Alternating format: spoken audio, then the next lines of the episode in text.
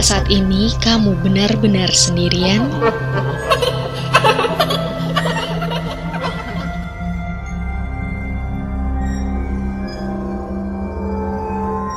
Selamat datang di podcast The Meet episode kelima. Kali ini bareng gue Sabta. Mungkin kamu udah notice lah ya ada yang berbeda di episode ini.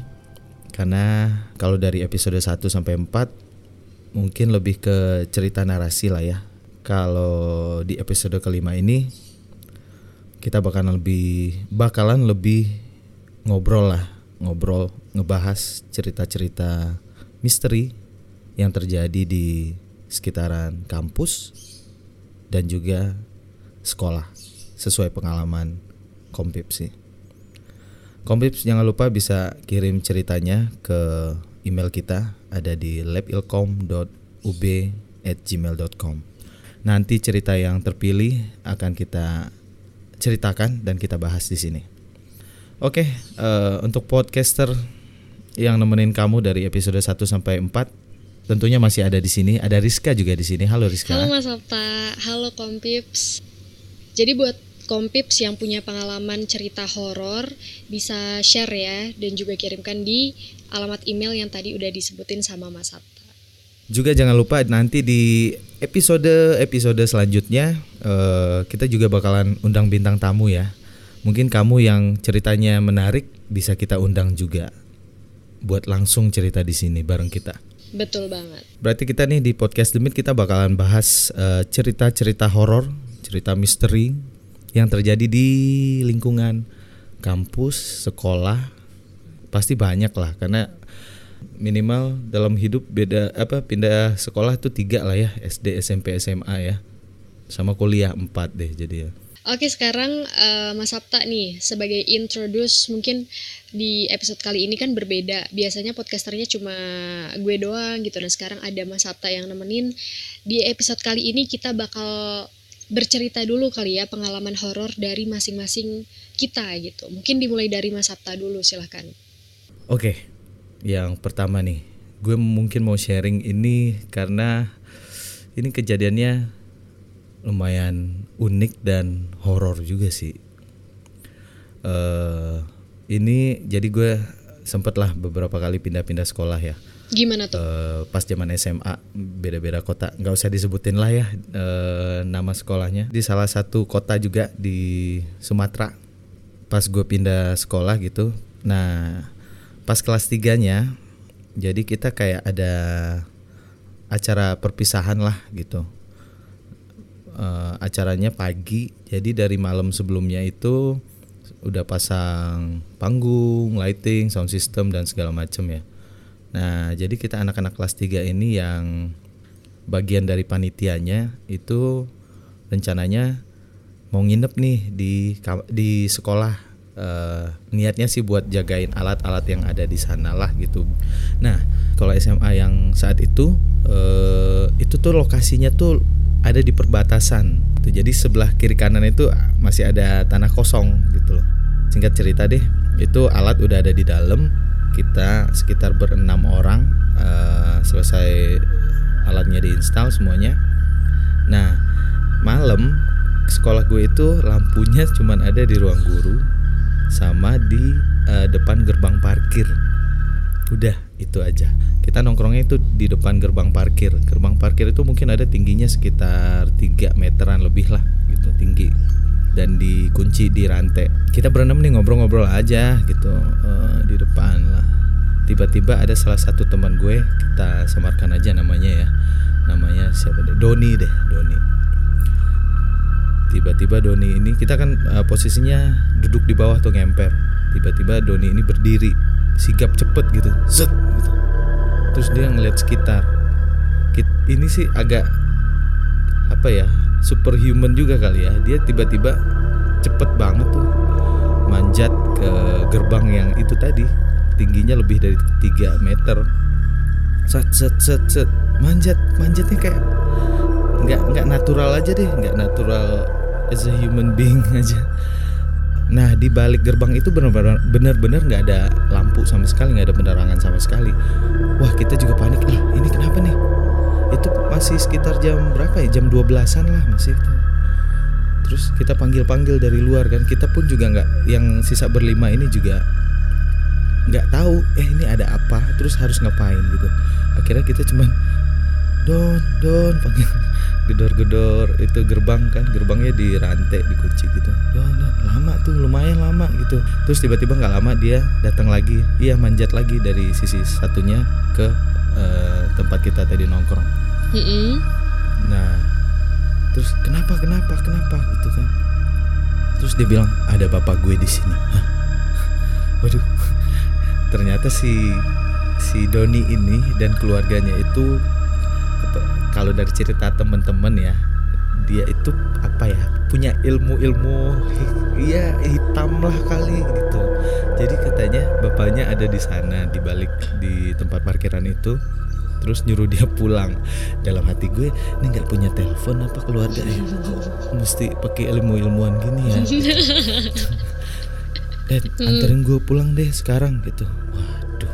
Pada akhirnya yang mau nemenin ya akhirnya gue cuman gue minta satu orang lagi yuk kita bertiga aja yuk. Bonceng tiga gue kayaknya ada feeling feeling gak enak. Terus udah ngeliat kejadian begini terus harus nganterin dia ke rumahnya yang ada bapaknya yang katanya ada di parkiran Bentar, tadi tapi itu gitu. tuh beneran bapaknya atau gimana? nah itu dia. Kayaknya sih mungkin ya. Hmm, kayak kayak bukan. Iya mungkin bapaknya Bapaknya mungkin bisa teleportasi gitu Atau mungkin cuman ruhnya atau apa. Ah, nggak ngerti deh pokoknya intinya begitu. Nah jadi kita nih bonceng tiga nganter dia pulang naik motor. Terus eh, Don sampai sini aja ya. Ah, enggak, enggak enggak depan aja sampai depan rumah. Waduh takut nih kan. Aduh ya udah pelan-pelan gitu kan. Ngedrop lu udah kita cabut ya ya udah ya udah. Akhirnya karena cuma kejadian itu akhirnya kita nggak jadi nginep di sekolah kita pamit ke penjaga sekolah ya udah kita pulang aja intronya aja udah begitu ya tapi itu lumayan lumayan mengerikan lah kalau ada di sana gitu Oke. Nah, kalau itu kan eh, dialamin Mas Sabta pas SMA ya? SMA atau SMA. SMP sih?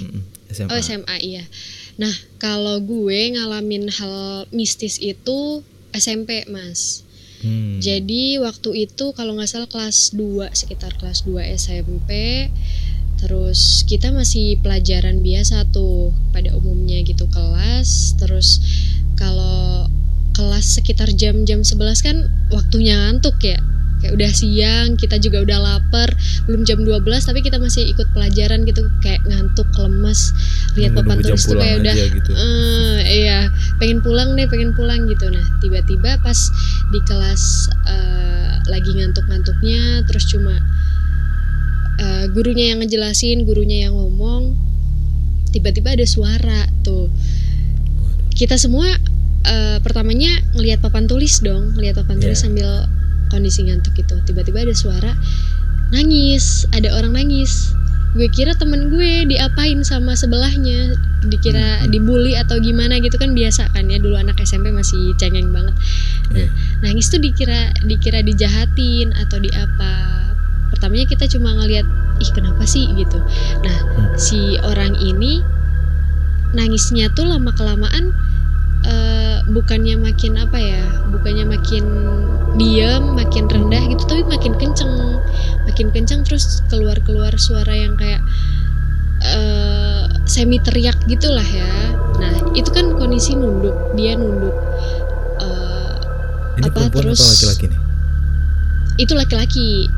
Laki-laki sebelahnya laki-laki. Nah biasa kan mas kalau SMP tuh laki-laki sama laki-laki. Mungkin Iya. Kayak bully-bulian bapaknya atau nama ibunya gitu kan. Nah, kirain cuma kayak gitu. Sekelas tuh ngiranya pada kayak gitu. Jadi kita cuma ngeliat dari jauh ah biasa ah mungkin cuma pertengkaran cowok gitu kan.